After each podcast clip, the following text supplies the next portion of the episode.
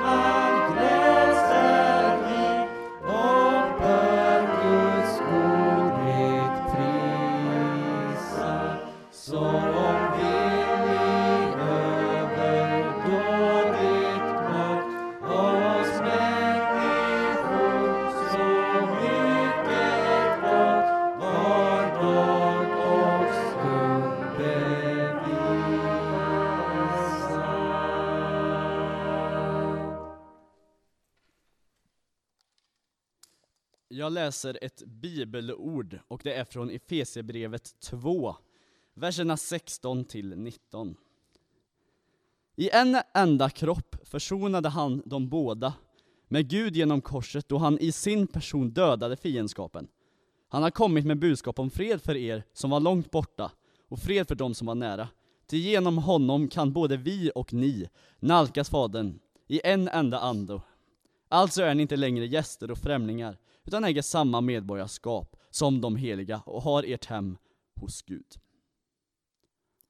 Vi kommer nu att sjunga psalm 259, Saliga visshet. Och under denna så kommer vi ha en insamling för församlingens arbete. Du kan bidra genom att swisha 123 363 41 36 eller bidra via bankgiro som har nummer 233 20 88. Tack för din gåva.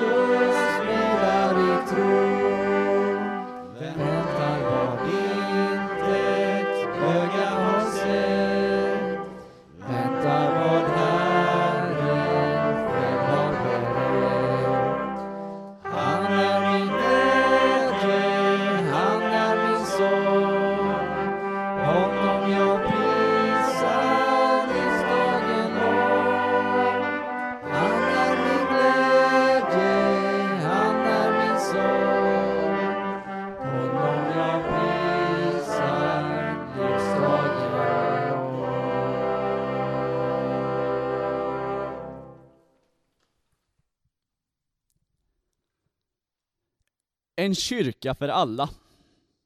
Så valde jag att kalla min predikan. Jag fick ju förmånen att predika idag över valfritt ämne och då kände jag att det som låg närmast hjärtat var just det. För det är väl det jag fått göra när jag arbetar som barn och ungdomsledare. I mitt jobb så har jag fått förmånen att jobba med de flesta åldrarna. Även om fokuset helt klart har varit på barn och tonåringar. Men hur gör vi då för att vara en kyrka för alla?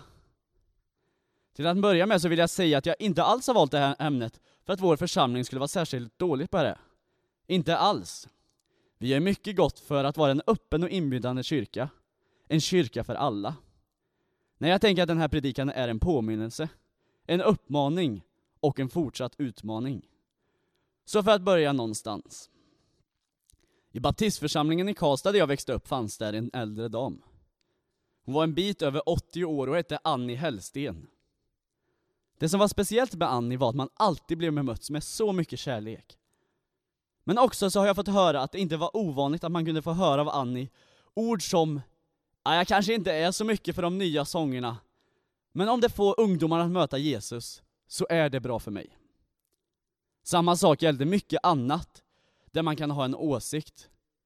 Hennes egen vilja kanske blev sekundärt gentemot att nya människor får möjligheten att möta Jesus. Paulus skriver i brevet till församlingen i Korint om hur han förhåller sig just till att sprida evangeliet. I första Korintierbrevet 9, verserna 19-23 skriver Paulus Fri och oberoende av alla har jag alltså gjort mig till alla slav, för att vinna så många som möjligt. För att vinna judar har jag varit för dem som en jude. För att vinna dem som står under lagen har jag varit för dem som en som står under lagen, fast jag själv inte alls står under lagen. För att vinna dem som är utan lag har jag varit för, har jag varit för dem som en som är utan lag. Fast jag inte är utan lag, jag har ju Kristi lag, Guds lag. För att vinna de svaga har jag varit inför dem som en svag. Allt har jag varit inför alla, för att åtminstone rädda några. Allt gör jag för evangeliets skull, för att också jag ska få del av dess löften. Paulus sätter här evangeliet i fokus när han berättar om hur han sprider evangeliet. Men fokuset på hur han sprider det handlar om de som lyssnar. För att vinna judar har han varit som för dem som en jude. För att vinna för dem som står utan lag har han varit som en utan lag. Allt för att vinna så många som möjligt, allt för evangeliets skull. Så kanske vi får ställa oss frågan, vilka människor har vi i Taberg möjlighet att möta? Och kanske möta utifrån deras perspektiv. Människor med annan social bakgrund, annat språk. Är vi beredda att låta de nya människorna ta plats och påverka vår församling? I Nya Testamentets brev och i Apostlagärningarna möter vi hur de kristna strävar och kämpar med hur de ska få församlingen att fungera med alla de olika olikhet, nej, med alla de olikheterna. Kanske framför allt just de mellan judar och icke-judar. Men Korint verkar även ha andra problem med, med andra splittringar. Vi kan läsa i kapitel 3 att det pågår en diskussion om vilken lära man följer. En del säger att de tillhör Apollos, andra att de tillhör Paulus. Men det Paulus vill poängtera är enheten, och att grunden är Jesus. Jag tror inte att vi har just den typen av olikheter i de, vår församling, men vi har andra saker som skiljer oss. Det kan vara allt från vilken musik vi vill ha på våra gudstjänster, eller till hur vi vill att vår gudstjänst ska se ut. Men det kan också vara andra saker som skiljer oss åt. Det kan vara för, för åsikt vi har i olika frågor. Teologiska frågor, eller inte alls teologiska. Det kan också vara att vi har människor med olika social bakgrund och hälsa. Risken är oavsett, tänker jag, att vi väljer att sätta taggarna utåt och att vi fokuserar på oss själva och vad vi själva har för referenslag. Eller som Daniel Lundstedt sa med glimten i ögat idag när vi käkade mat. Vad skönt det vore om alla var som mig. Helt enkelt blir det vad vi själva gillar för musik, och om gudstjänsten tilltalade oss personligen. Men i den bästa av världar så inkluderar gudstjänstens olika behov allas behov. Men vad är då viktigt, tänker jag? Jo men det är chansen och möjligheten att få lära sig mer om vad Jesus vill, och reflektera över hur det kan påverka våra liv. När gav ett gudstjänstbesök dig senast starten på en förändring i ditt liv? Men för att möta alla våra olika behov behöver vi möta varandra med ödmjukhet och respekt. Och där tänker jag att Jesus kan vara en bra förebild. I Johannes evangeliet kapitel 13, när de håller på att käka påskmåltiden, så böjer sig Jesus ned på knä och tvättar lärjungarnas fötter. Och han säger efter det, förstår ni vad jag, jag har gjort för er? Jesus vänder upp och ner på vårt sätt att se på makt. Och Jesus är exemplet på hur vi ska leva mot varandra. I tjänandets ställning, på knä inför varandra. Som Annie helt enkelt. För henne blev inte hennes egen smak det, var det som var viktigast. Hon uttryckte själv att hon hade en, ja men hon hade salmen, hon hade lovsången som just hon gillade. Men om det kunde leda till att någon annan kom till tro, att människor kom till tro, då kunde hon låta deras stil och deras, hon kunde med glädje låta deras stil, stil gå före. Återigen, Jesus i fokus. Så vad, inne då, då, vad innebär då det här för oss, tänker jag? Jo, men jag tänker att det är att vi ska se med glädje på det som vi kanske inte alls föredrar. Vi kanske behöver lyssna mer på varandra och varandras behov. Praktiskt kan det innebära till exempel, tänker jag, att komma till gudstjänsten, även den söndag när du ser att det är tillsammansgudstjänst. Du vet liksom att det kommer bli högljutt, kanske till och med flamsigt, så det är kanske lika bra att vara hemma. Kan vi då se med glädje på att vi har barn som vi får dela gudstjänst med? Att se dramat som är i mitten av tillsammansgudstjänsten precis lika mycket som predikan, att det är Guds ord, men i en annan form, för att barnen ska kunna ta till sig vad som Bibeln vill säga. Här är kyrkan ett föredöme, och Bibeln är tydlig med att församlingen ska vara just som en familj, där alla får vara med. Eller så kanske du inser att ja, men det är musikkåren som spelar idag. Kanske man ska fixa på huset istället. Man kommer ju ändå somna halvvägs in i preludiet. Nu kanske jag raljerar lite, men jag gör det för att ja, men stärka min tes. Jag har åkt på en del ungdomsmöten genom de här åren som ungdomsledare. Och det har hänt att jag suttit på de möten och varit rent ut sagt uttråkad. Lovsången verkar aldrig ta slut. Men i de stunderna så får jag påminna mig om Annie och försöka se som henne om varför jag är där. Ja, men det är inte för min skull jag är där. Det är för alla de ungdomarna som genom lovsången och predikan får ta del av Jesus och möta honom och komma till tro. Det är inte jag som är i fokus. I avslutningen av den här predikan så vill jag ja, men citera Efesierbrevet 2 och 19, slutet av det bibelordet som jag läste tidigare i gudstjänsten. Det är skrivet i ett sammanhang om skiljemuren. Skiljemuren var ju den mur som skilde judarna från hedningarna i templet och används i det här syfte, syftet som en metaforisk bild av att vi är ett och att muren mellan oss är riven. Och nu läser jag folkbibelns översättning. Därför är ni, är ni inte längre gäster och främlingar, utan medborgare med de heliga och medlemmar i Guds familj. Vi som församling är, hel, är de heliga, och vi är Guds familj. Och vi har olika behov och olika bakgrund. Men för att få en kyrka som är till för alla, så behöver vi lite mer av Jesus, Paulus och Annis inställning. Vi behöver lyssna in varandras behov. Och inte behöva hävda sig själv. Låt ibland någon annans behov gå före ditt eget. Ett givande och tagande där. Allt för evangeliets skull, så att också vi får del av dess löften. Amen.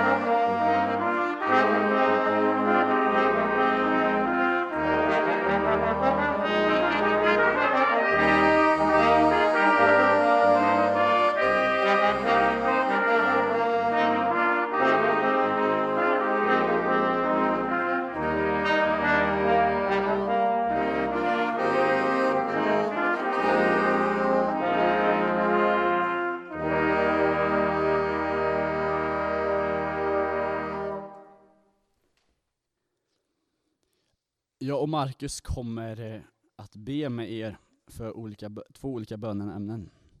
Och jag börjar att be. Ja, Jesus, jag ber för alla som känner sig ensamma just nu. Jesus, jag ber att du ska komma och att du ska visa dig att de ska känna att de inte är ensamma. Att du alltid är med dem. Jesus, jag ber för alla som ofrivilligt har satts i, i karantän och inte möter så mycket människor. Jesus, visa på vägar som de kan få ta kontakt med människor. Kanske påminn dem om någon som de kan ringa. Eller visa på annat sätt hur de kan få ta del av din kärlek och din värme. Ja, Herre, jag ber även för, för alla barn och ungdomar som nu snart går ut på, på sommarlov. Jag bara ber för, att det ska verkligen få bli en riktigt härlig och skön sommar. Jag ber att all den kanske oro och, uppgivenhet kanske som, som finns hos, hos vissa ungdomar, man kanske har förlorat nära och kära eh, i corona. Eh, jag bara ber att du ska vara dem nära. Jag ber att det verkligen ska bli en, en sommar fylld av, av kärlek, av glädje, av, av spratt liksom och sprall. Jag bara ber att de bara ska få gå ut i din, i din ljuva sommartid och att de bara får, får vara de underbara och härliga barn och ungdomar som de är. Och att de bara får växa tillsammans med dig och tillsammans med varandra. Och att det verkligen bara får bli en sommar där de bara får byggas upp och bara stärkas inför framtiden. Bara be om Herre i ditt heliga namn. Amen. Jag kommer även läsa Herrens bön. Vår Fader, du som är i himlen. Låt ditt namn bli helgat. Låt ditt rike komma. Låt din vilja ske, på jorden så som i himlen. Ge oss idag det bröd vi behöver och förlåt oss våra skulder, liksom vi har förlåtit dem som står i skuld till oss. Och utsätt oss inte för prövning, utan rädda oss från det onda. Ditt är riket, din är makten och äran i evighet. Amen. Vi kommer nu att sjunga psalm 830, Din trofasta kärlek.